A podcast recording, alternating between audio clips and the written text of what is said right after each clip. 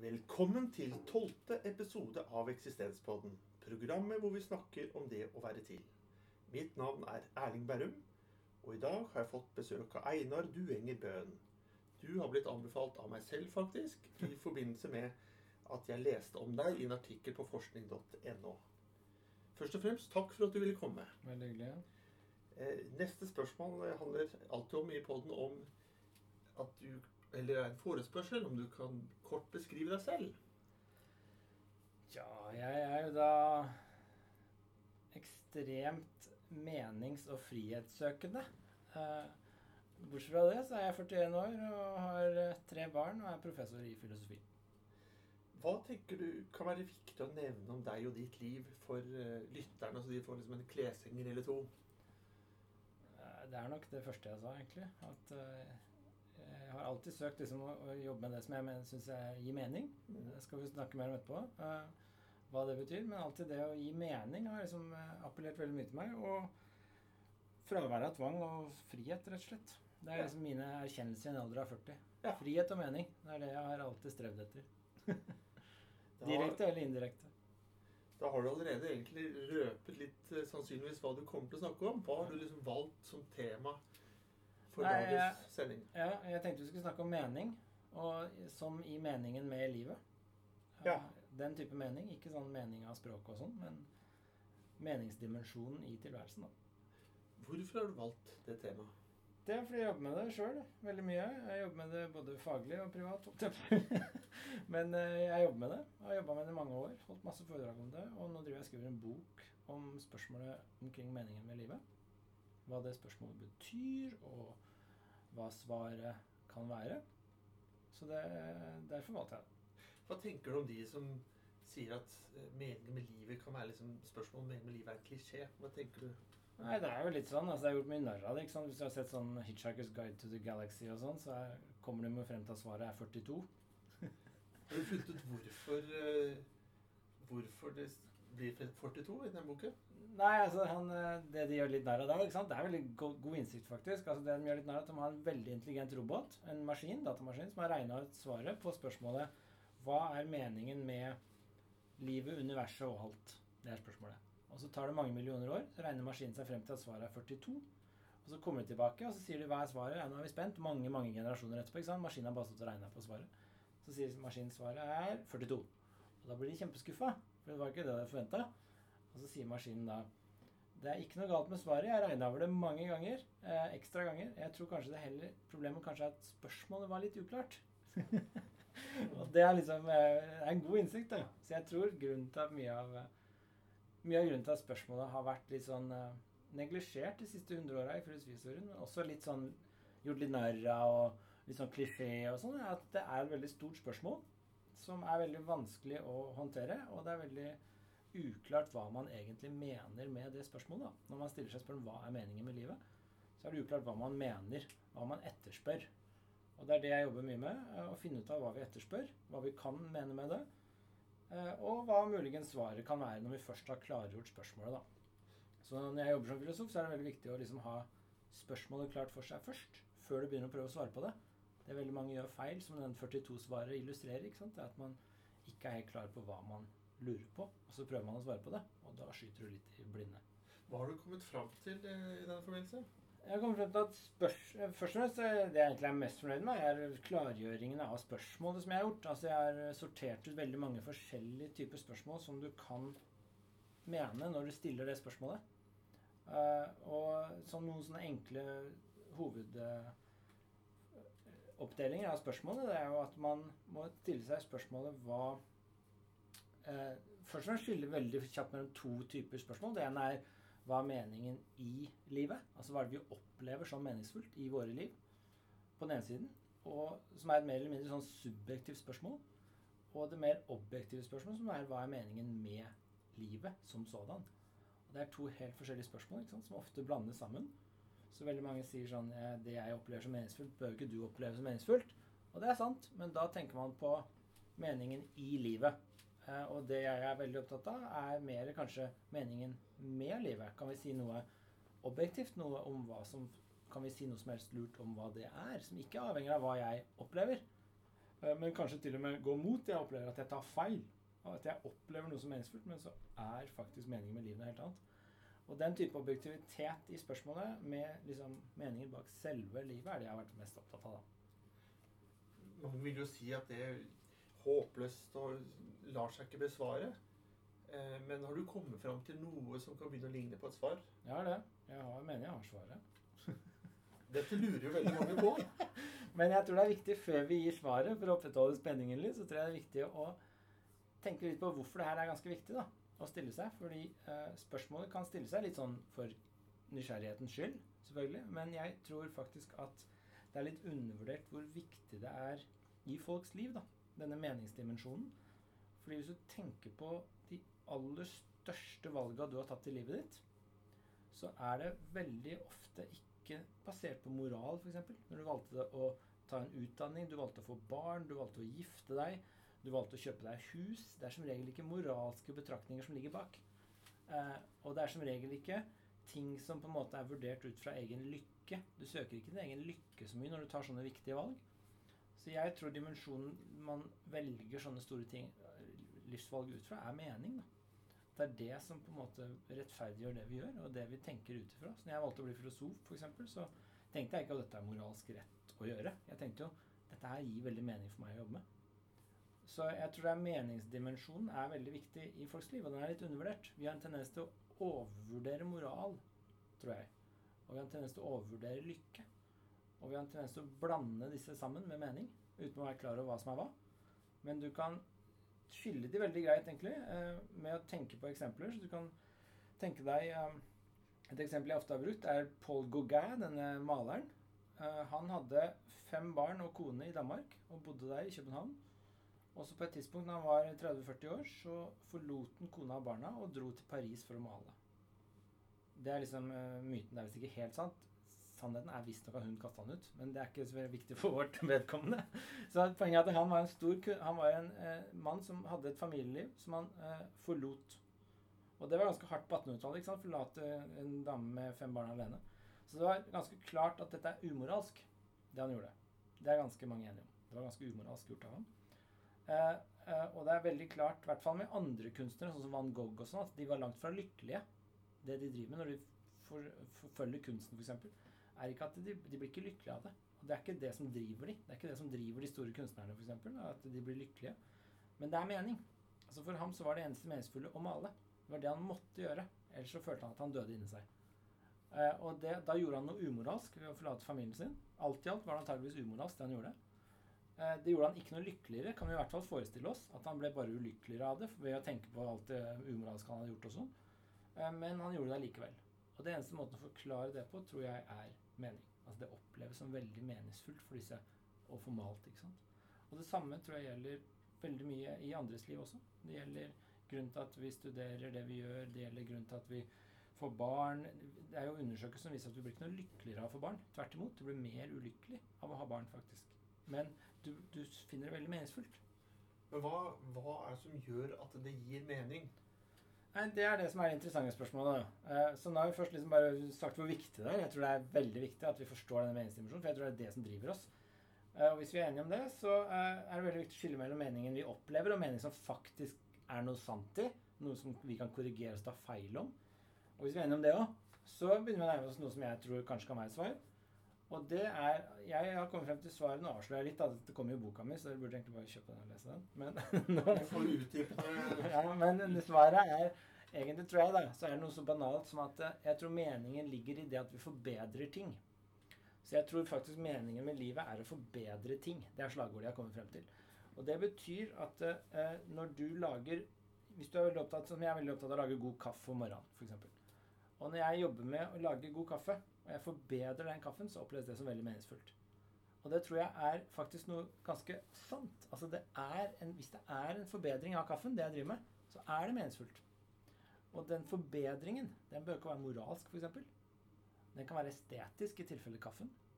Eh, men det kan også være f.eks. en forbedring av kunnskapsbasen vår hvis vi liksom gjør store oppdagelser. Det oppleves som veldig meningsfullt. Det kan være en forbedring av huset vårt hvis vi fikser og pusser opp det. Det er det mange som opplever som veldig meningsfullt. Så alle disse fra små til store ting Når vi forbedrer det, så tror jeg vi opplever det som meningsfullt. Og det tror jeg er noe sant i. da. Det er den forbedringen som gir oss mening. Det er derfor vi tenker det er meningsfullt å være moralsk, f.eks. For eksempel. Fordi det er en forbedring. Hva sier du om at eh, en mulig fortolkning av mening som forbedring At det er sånn, evolusjonsmessig også fortolkning av mening? Ja, altså du kan tenke deg litt sånn Prøve å forklare meningsdimensjonen evolusjonært, da. At vi er selektert for opp gjennom eh, mange generasjoner. og og eh, oppleve at det å forbedre ting på en måte gir mening fordi det vil gjøre at vi neste generasjon forbedrer enda mer. Men jeg er veldig tvilsom til eh, Jeg tror det er mer en kausal årsaksforklaring til hvorfor det kanskje vi har noen preferanser. Men jeg er veldig eh, skeptisk til å bruke evolusjonsteorien til å forklare eller begrunne og berettige at det er sånn. Og når det kommer til mening, f.eks., så er det en normativ dimensjon. Altså Det er noe vi burde drive med. Og det tror jeg ikke vi, det skal vi være veldig forsiktige med å forklare evolusjonært. fordi det er fortsatt, det, blir, det er en fare for at du gjør en slutning fra 'sånn er det og har det vært', til at 'sånn burde det være'. Og det er en feilslutning. Bare fordi ting er sånn og sånn, og har vært sånn og sånn, så følger det ikke at det burde være sånn. Og når det kommer til mening, så er det veldig viktig å tenke på det å forbedre ting, f.eks. At vi er eh, selektert for det, det kan være greit. Det kan være en god årsaksforklaring. Men jeg tror vi skal stoppe der, liksom. Og så heller prøve å gi en normativ berettigelse for at det å forbedre ting er meningsfullt. At det er noe vi burde drive med, at det er noe bra. og at det, For ellers så gjør det en sånn er-bør-slutning, da, som er Men er det slik at meningsfullt i seg selv eh, som du tar, istedenfor at det er meningsfullt med tanke på en mulig målsetning? Jeg vet ikke om du husker denne tegneserien eh, 'Det var en gang et menneske'. Ja. Den avslutter jo da med at jordkloden eh, sprenges og går i stykker, og at eh, mennesket da flykter ut og vekk fra universet. og, og, hvis vi skal få til, hvis vi en dag skal komme dit, altså vi skal kunne bevege oss vekk fra eget univers, da er vi avhengig av litt eh, vel forbedring i vår egen tenkning og teknologi og vitenskapelig utvikling, tenker jeg. Ja, ja men all sånne type fremskritt, ikke sant? alt sånn når vi forbedrer, får mer kunnskap, så lenge vi mener at det er en forbedring, så opplever vi det som meningsfullt. Og hvis vi mener at det er en forverring, så opplever vi det som meningsløst å fortsette. Ikke sant? Og det tror jeg er veldig sant. Altså, hvis jeg, eh, og jeg tror det, vi også kan vite i stor grad hva som er en forbedring. Det er uklare gråsoner og sånn, om dette er en forbedring eller ikke. og sånn selvfølgelig, Men f.eks. har du en, eh, et romskip, så, og, det gikk, og, det krasjer halvveis til månen, og så fikser du det, og så lander det på månen. Da har du forbedra det romskipet, hvis målet var å komme seg til månen. Eh, og sånn tror jeg vi kan tenke grovt sett med veldig mange ting. Vi kan forbedre ting. og Det er det vi opplever som meningsfullt. Det er det som på en måte faktisk også berettiger at vi bør forfølge mening. At det er en forbedring. Men kan også dette uh, søken etter forbedring også handle om behov for endring? Uh, og at man noen ganger uh, kamuflerer behov for endring som forbedring? Det kan godt være. At vi, vi, har behov for endring til en viss grad, men vi vil jo helst ha en forbedra endring. ikke sant? Og jeg tror at når mange opplever at livet sitt begynner å bli meningsløst, så er det nettopp at det ikke er noe forbedring lenger. Det er ikke noe fremskritt. Det har stagnert. Og kanskje til og med gått tilbake. Da begynner du å oppleve at livet ditt ikke driver frem lenger. Det er blitt mer og mer meningsløst. Og da begynner folk å omstille seg, bytte yrker. Da blir du deprimert. Da kommer alt dette med på løpet. Kjøpet. Fordi du nettopp ikke opplever noe forbedring lenger. Og det bør ikke ha noe med moral å gjøre. Det bør ikke ha noe med lykke å gjøre. Det er nettopp meningsdimensjonen, tror jeg, da, som er den som da har stagnert. Og Derfor er det veldig viktig å forstå det. og også, Jeg tror også det svaret jeg gir da, om at det er en slags forbedring, som er det som gir mening, det er eh, veldig appliserbart, veldig bredt. da. Så det behøver ikke å bare være den store kunstneren eller den store vitenskapspersonen som har gjort det store oppdagelsen, som kun har det ene meningsfulle livet. Men det kan være alt i hverdagen òg. At du bare forbedrer hverdagen din litt. Så opplever du livet litt mer meningsfullt. Og være litt obs på den, da. Eh, og skille det ut fra andre begreper som moral og lykke og sånn. Det lykkejaget, f.eks. Jeg er veldig skeptisk til det. Lykke er ikke jeg interessert i det hele tatt. Altså lykke, Det å være lykkelig, det Kanskje litt det, For meg er det litt sånn som den lykkelige grisen som ruller seg i gjørma, liksom. Det er hyggelig, det. Men det er ikke på en måte det som driver meg opp om morgenen, å bli lykkelig. Eh, det er mer den der å gjøre noe som på en måte er mye bedre enn i går, da. Eh, det får meg opp om morgenen. Men det behøver ikke gi meg lykke. Det kan gi meg nesten mer frustrasjon. Å være veldig sånn ambisiøs, for det kan være veldig frustrerende og veldig lite lykkelig av, bli veldig lite lykkelig av det. Men jeg, du får disse glimtene kanskje av lykken når du opplever at du gjør fremskritt. Det kan være med på å drive, men jeg tror det er meningen som på en måte driver det frem. da. Jeg har jo tidligere tider, i hvert fall til venner og kjente, eh, lovprist eh, egne feil og mangler fordi det gir rom for forbedring. Ja. Da har jo noe å gjøre. Da har jo noe å sysle med. Mm. Eh, fordi jeg kan hele tiden bli bedre på mange forskjellige områder som du viser til. da. Ja. Men jeg tenker også på ikke eh, Man kan også tenke som, hvis man går litt tilbake til en eh, forbedring også som et uttrykk for endring, eller igjen et uttrykk for bevegelse. At det må være en bevegelse eller liksom en utvikling i eget liv for at du skal oppleve det som meningsfullt. da. Eh, så tenker jeg også det med bevegelse også som et uttrykk, eller som en definisjon av hva det vil si å være til. Ja. At eh, livet er bevegelse. Man kan se på liv som bevegelse. Hva tenker du om det?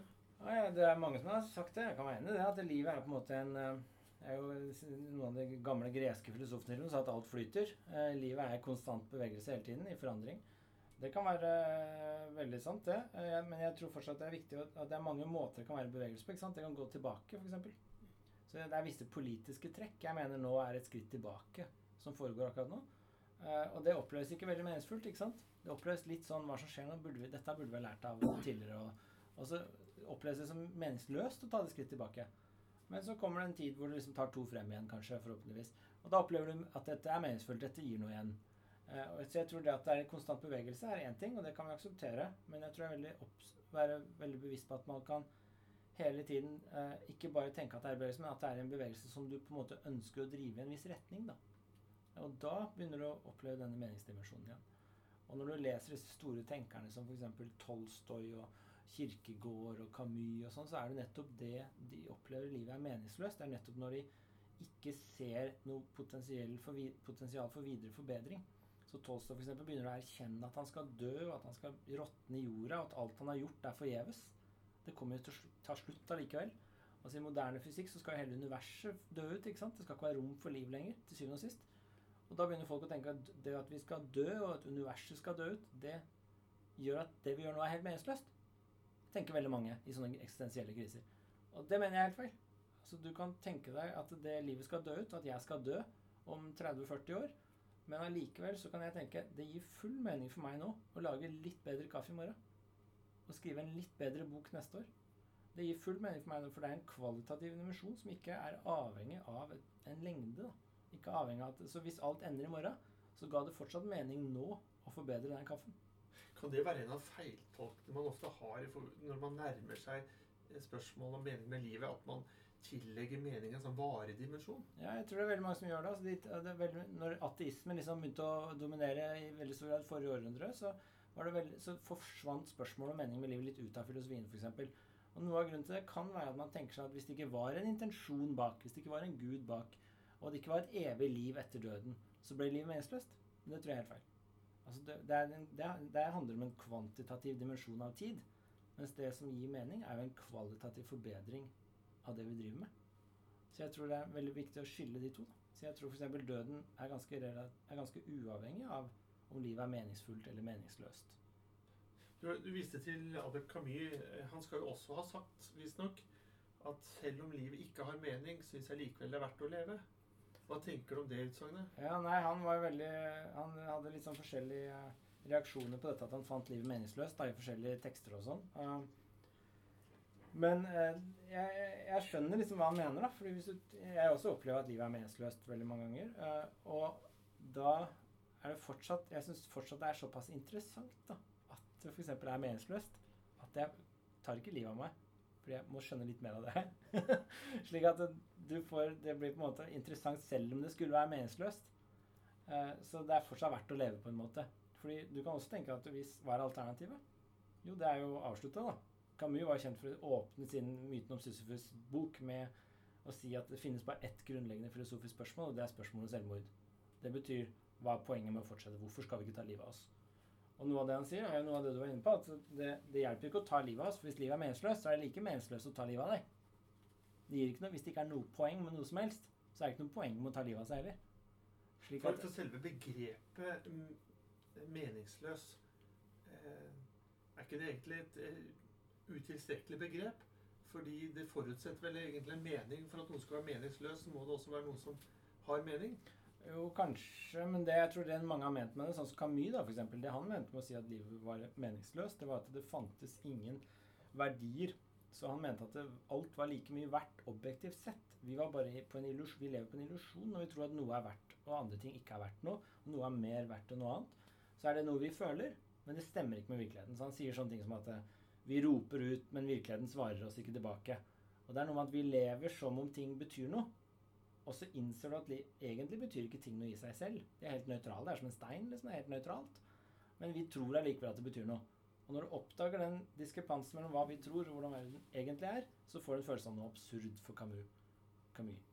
Og eh, det han mente da, var at denne meningsløsheten, når du erkjente den, så klarte vi allikevel ikke å stoppe å leve som om det var noe som var verdifullt. Eh, så han mente at livet da var objektivt sett meningsløst, men vi klarte ikke å leve som om det var meningsløst. Og det tror jeg er veldig sant. Hvis livet er meningsløst, så er det, klarer ikke vi å la være å leve som om det jeg har oss, mening. jeg oppfatter oss gjennomgående som meningssøkende dyr. Ja, ja, vi er nok det. Og, og hvis det da viser at verden ikke har noe mening, så er vi på en måte litt absurde skapninger. Vi driver da skaller huet i veggen ikke sant? uten å klare å stoppe, selv om vi skjønner at dette er nytteløst. Så det er litt sånn absurd. Men jeg tror det han mente med at livet var meningsløst, det var rett og slett at det ikke fantes noen objektive verdier. da. Og det tror jeg det gjør. Så jeg tror han tok feil på det punktet. Jeg tror det er visse verdier som er objektive, i den forstand at vi kan korrigeres. At de er de er ikke bare subjektiv smak og behag. Visse verdier er liksom verdt å kjempe for, og visse verdier er sånn de er. Og hvis du mener noe annet, så tar du feil. Liksom. Uh, og den korrigeringen er nok til å kunne gjøre fremskritt, da. Og, og, dermed ha mening. Hva tenker du om et sånn litt mer relasjonelt perspektiv? Det å finne mening i hverandre og hverandres tilstedeværelse? Jeg tenker at det gir mening uh, så lenge det er en forbedring. Altså jeg tenker at Det vi opplever f.eks. kjærlighet som veldig meningsfullt, det er fordi eh, vi opplever at det å ha kjærlighet er en forbedring i forhold til det å ikke ha kjærlighet. Så vi opplever det å ha kjærlighet som veldig meningsfullt. Men det er veldig, igjen veldig viktig å skille mellom hva vi opplever, og hva som faktisk er det. da. Altså, Det kan hende at det er noe vi opplever som meningsfullt, som vi tar bare feil på. Folk har tatt feil før om verdier. Slaveeierne i gamle sørstatene tok feil om hva som var uh, riktige og gale verdier. Hitler tok feil om hva som var riktige og gale verdier. Det har skjedd opp gjennom historien. Uh, og det kan vi ta feil om noen ting i dag, uten at vi helt vet hva det er i dag, men ser det om 50-100 år. Så jeg er åpen for den korrigeringen, uh, men ja, jeg husker ikke hva du spurte om. Jeg kunne gå over til en annen tilnærming, og det er sånn litt mer spekulativt og kanskje sånn metafysisk i forhold til livet som sådan, da. at hvis du inkluderer litt sånn intethetsfilosofi og hvis du gir intethet også en værensform, og at vi før vi ble liv, eller i livet, så hadde vi en intetetseksistens, hvor da det å være i livet, eller være liv, i seg selv er meningen. Eh, slik at det å stille spørsmål hva er meningen med, med, livet, blir som å stille spørsmål hva er meningen med meningen. Mm. Eh, biter seg selv i halen, for hvis livet i seg selv er meningen, Eh, da er det jo litt vanskelig å spørre hva er meningen med livet. Hva tenker du om, om den type resonnement? Nei, jeg vil tro at eh, jeg vil ha litt Jeg, jeg har hørt lignende ting uh, før, og jeg tror jeg har litt problemer med å forstå liksom hva det vil si at livet er meningen, da. Altså jeg forstår det i den, i den grad at uh, livet kan være meningen hvis livet er i forandring og, og, forbedring, liksom. Da skjønner jeg det. Men hvis livet bare er livet, så skjønner jeg ikke helt hvordan det kan være meningen med noe, med mindre det har en eller annen verdi. Det må ha noen verdi, ikke sant? skal det være mening. For mening er et lada begrep, så det er noe positivt. Du kan ikke ha negativ mening, f.eks. Det er heller meningsløshet. Så det må være noe positivt. Eh, og da må livet ha en slags verdi. Og hvis du tenker at livet er iboende verdifullt, f.eks., så kan man tenke seg at livet er meningsfullt. Um, og da er på en måte kanskje meningen mer sånn å, å drive livet fram, eller da kan man ha sånne teorier. Men jeg tror uh, man må bake noe inn i begrepet om livet hvis man skal si at livet er meningen. Jeg tenker litt også på utsagn som 'jeg er takknemlig for å ha fått liv i gave'. Men med hvilken referanse snakker, eh, snakker, vi som mennesker, da? Ja, nei, I sånne utsagn så tror jeg man ofte tenker liksom at man er eh, man setter pris på livet man har fått. Hvis man var nær døden, f.eks., øh, overlevde et eller annet, så sier man 'jeg føler jeg har fått livet i gave'. Da har man fått det tilbake, og så tenker man da setter man pris på, så legger man en veldig tung verdi i det å leve. Og så tenker man dette er noe jeg verdsetter. Og det, i det så ligger det på en måte en slags meningsdimensjon, for da føler man at dette var bedre enn alternativet. Og igjen, så jeg maser om det samme hele tida, men igjen da så er det liksom på en måte at dette er bedre, som gir, gjør at det gir mening. Så jeg vil hele tiden liksom Jeg, jeg, klar, jeg, jeg forstår mening ut fra liksom verdier og bedre forbedring av verdier. da. Eh, og jeg tror det fanger opp alle disse tingene vi snakker om nå, veldig godt, egentlig. for å være helt ærlig. Hvor, hvor, er det vi ofte gjør feil i vår tilnærming til mening, eller hvordan er vi kan få mer mening i hverdagen vår i dag? Jeg tror det er veldig viktig at man føler at man er del av et større prosjekt da, når man skal oppleve mening. Så det er veldig mange sier når de opplever meningsløshet, at det, de sier at jeg er ikke noe viktig. Jeg har ikke noe forbedringspotensial. Det er stagnert. Jeg er ikke en del av noe større. Og de som sier at de opplever veldig mye mening, de sier ofte at det er en del av et større prosjekt som ikke bare er meg, men som går utover meg selv. Og da opplever man mening. Eh, og da opplever man at man er med og forbedrer noe. Og det tror jeg er veldig viktig å, å ikke glemme. da, slik at Hvis du hele tiden jobber bare for deg og ditt, så tror jeg du fort kan oppleve livet som ganske meningsløst. Men hvis du hele tiden jobber for et større prosjekt, så sier veldig mange at da opplever du det som meningsfullt. Så f.eks. disse malerne, som er veldig interessante caser. fordi er, mange av disse store malerne var ofte umoralske, de var ofte ulykkelige, men allikevel var de besatt av å male. Og det er ganske interessant, for hva gjorde at de malte? Jo, de var besatt av dette prosjektet om å male det beste bildet. Hvis du leser intervjuer med store kunstnere, sier de alltid jeg jobber med å få til dette ene perfekte maleriet. Og det er noe større enn dem selv. Det er liksom noe som går utover dem selv. Det er et prosjekt, nemlig malerkunsten. At de skal bidra til den. Og hvis de klarer det, og får malt det ene bildet, kanskje to, som er skikkelig bra, så føler jeg at det da har ikke vært forgjeves. Og det er på en måte, Jeg tror det kan appellere også i hverdagen til mindre ambisiøse prosjekter. altså Hvis man føler at man hele tiden er med og bidrar og drar på noe som er større enn seg selv, så opplever veldig mange at det eh, gir mye mer mening da, enn å bare eh, jobbe med sine egne Hva tenker du om meningen som kan ligge i å delta i et humanitært arbeid, som da vil være større enn deg selv, ja. men som egentlig kanskje i seg selv ikke handler om noe forbedring eh, som nytenkning, da, men som handler om det å eh, bidra til at andre får et bedre liv. Mm. Og at du er da del av et prosjekt. Men jeg tenker liksom sånn som forbedring det vil på en måte være noe av den samme måten som man alltid tidligere har hjulpet andre mennesker på. Så det blir på en måte ikke forbedring i, i, i metoder, for å si det sånn, Nei. eller måter å, å, hjelpe andre på. Men det blir en forbedring i livskvalitet for andre. Og livskvalitet for deg selv gjennom å delta. Mm. Jeg tror Det er interessant i sånne tilfeller. altså jeg tror I sånne tilfeller så tror jeg det er veldig ofte snakk om at du Det er ikke sikkert at det, akkurat det du gjør, er veldig ny, nyskapende eller forbedrende. Du bare fortsetter en funksjon, liksom.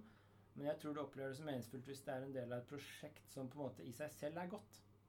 Så hvis dette store humanitære prosjektet er noe du mener er godt, og du mener at dette prosjektet, det forbedrer verden At det prosjektet her fins, er bedre enn at det ikke fins, f.eks. Og du, da kan du være en del av det og få veldig mye mening ut av det, selv om du selv ikke hele tiden forbedrer det. Men du mener at dette prosjektet er en del av, da er du på en måte en brikke i et større spill som er en forbedring.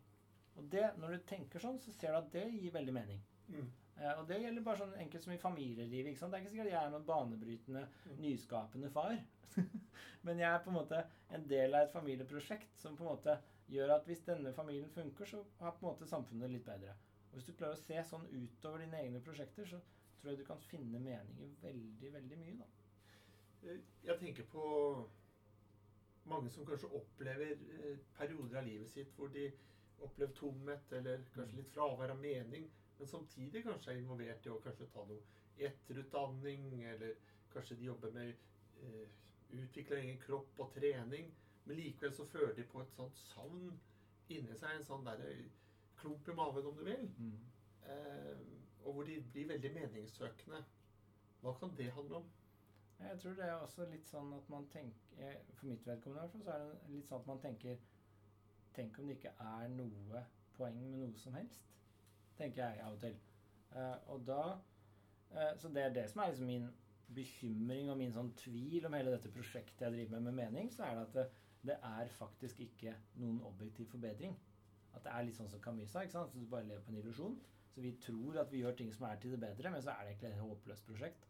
Og det er ikke noe objektive verdier. Det er ikke noe som egentlig har verdi, annet enn bare hvordan vi tror det har verdi. Og hvis vi lever på en sånn illusjon, så blir jeg bekymra for at alt er forgjeves. Og da begynner jeg å føle på meningsløsheten. Uh, men jeg tror så mitt, mye av det jeg jobber med, er å prøve å forstå at det faktisk er verdier som er korrigerbare, og som vi kan ta feil om og sånn. Og da kommer jeg tilbake til å få mening. Men hvis jeg, når jeg glipper mellom de to, da, så tvilen faller meg inn i det meningsløse igjen. Og da er det ofte tvil på at det fins noen verdier, at det har noe for seg. da. Og det tror jeg veldig mange som er veldig sånn meningssøkende, og som hele tiden kaster seg på nye prosjekter, og, og som på en måte føler at det, kanskje innerst inne ikke er så mye mening allikevel. Det er litt sånn at de kanskje har, sliter litt med den der uh, tvilen om at det faktisk er et poeng i det de driver med. At de er litt sånn tvilende til sitt prosjekt. Da tror jeg de kan få den følelsen. Og da bør du kanskje velge et nytt prosjekt? Ja, men det er en fare for at du hele tiden kaster deg på nye prosjekter. òg. Hvis du hopper fra prosjekt til prosjekt og aldri får etablert deg ordentlig på ett prosjekt, og aldri får jobba godt med noe, at det blir sånn litt halvhjerta av mye i stedet for helhjerta av noe. Det er veldig sånn konflikt også, uh, som jeg også kjenner på. Sånn, skal jeg jobbe med litt med alt, eller skal jeg jobbe veldig mye med noe? Den oppveiing er veldig vanskelig. Avveiing, den er veldig vanskelig å finne. Men jeg tror, Så det, er jo en meningsdimensjon i det å holde på ganske lenge med én ting også. At du føler at dette har gjort mye nå, dette kan jeg, dette er bra, liksom. Og ikke bare vingle mellom prosjekter. Uh, så det kan være at det lønner seg å holde ut litt òg, vil jeg tro. Vi er på slutten av programmet nå. Eh, Beckett han skrev også et sted et, at han sto og så ned i avgrunnen. da. La oss si da et øyeblikk hvor han kanskje opplevde en følelse av meningsløshet. Mm. Og så sto han og, og så ned i den vel og lenge. Og så sa han vel, jeg kan ikke stå her hele dagen heller. og så snudde han seg mot livet igjen. Og avslutningsvis, hvis du skal ha noen tips eller råd da, til hvordan man kan på en måte styrke eh, meningen, eh, opplevelsen av mening i eget liv, litt utover det du allerede har sagt, mm. er det noen tips og råd du vil gi? Nei, altså Det er vanskelig utover det jeg har sagt uten å gjenta meg selv her nå. Eh, men jeg, jeg, tror at det er det å prøve å finne noe som er et prosjekt som er litt større enn deg selv. Også jeg tror det er nøkkelen. Å føle at du bidrar til noe som faktisk gjør verden litt bedre. Da føler du at det er mer meningsfullt. Og det, jeg tror det er litt det, Men også det å være obs på at du søker noe som faktisk er korrigerbart. At du ikke bare søker umiddelbar tilfredsstillelse, f.eks. Hvis du hele tiden blir tilfredsstilt umiddelbart med underholdning og sånn, så blir det fort veldig tungt i lengden da, når du innser plutselig at du har ikke fått noe ut av det her i det lange løpet. Du har bare blitt stimulert hele veien. Og da er det veldig mange som opplever at dette blir ganske meningsløst.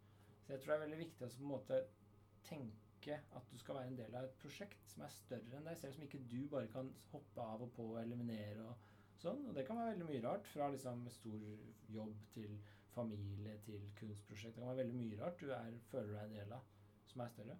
Men altså ta den, mening, ta den verdidommen litt alvorlig, da. At det er Hvis det føler at Prøv å se om det er noe du faktisk kan gjøre bedre. Som ikke bare er noe du blir underholdt av eller føler er bedre, men som du mener oppriktig talt, objektivt sett, er bedre. Vil dette, vil dette, også kunne handle om det å, å f.eks. jobbe for å bli en bedre venn? Eller bli en eh, bedre partner, f.eks.? Eller en bedre utøver på jobben? At man også finner rom for forbedring også i, i, det små? Ja, ja, jeg tror det, helt klart. Eh, men det er vanskelig også å gjøre én av det uten å veie opp andre normative dimensjoner. ikke sant? Så hvis du skal bli en bedre partner, og du går inn for det, men det, du ikke blir lykkelig av det, og det ikke ligger noe kjærlighet i det, så blir det feil. Du må jo Jeg tror du må veie opp disse dimensjonene ganske mye. Eh, slik at du kan ikke bare bli en bedre partner mot noen du egentlig har lyst til å gå fra. liksom. Det tror jeg ikke du kan. Men hva er det da som du skal, liksom, Når du skal lytte til deg selv, hva er det som skal være med på å bestemme i hvilken retning du ønsker kanskje da å forbedre deg også i, i det daglige? Ikke bare knyttet til et stort og langsiktig prosjekt, men i det daglige, hva, hva bør bestemme retningen din der? Vet ikke, jeg kan snakke litt sånn hva jeg tenker. Jeg har ikke noe svar på så store ting, egentlig. Men jeg, jeg, tror det som er veldig viktig, som jeg kjenner på, er veldig viktig at det er det å leve litt autentisk. da. Dette er noe som kommer ofte opp i eksistensialisme, at man skal leve autentisk. Og det betyr at man skal kunne stå inne for sine valg. Så du skal kunne reflektere over det du gjør, og det du satser på. Og så skal du kunne ønske deg at du gjør det, men du skal også kunne ønske at du ønsker det. Så du skal kunne egentlig ha en refleksjon og en evne til å til, altså, eh, akseptere ditt eget valg. Og kunne stå inne for det med hele ditt hjerte, så å si. Og mene at dette er prosjektet jeg ønsker, dette er valget jeg ønsker å ta. Hvis du klarer det, Da lever du det som mange kaller et autentisk liv. Da lever du på det du faktisk mener, ikke det du blir leda til å mene av andre, f.eks.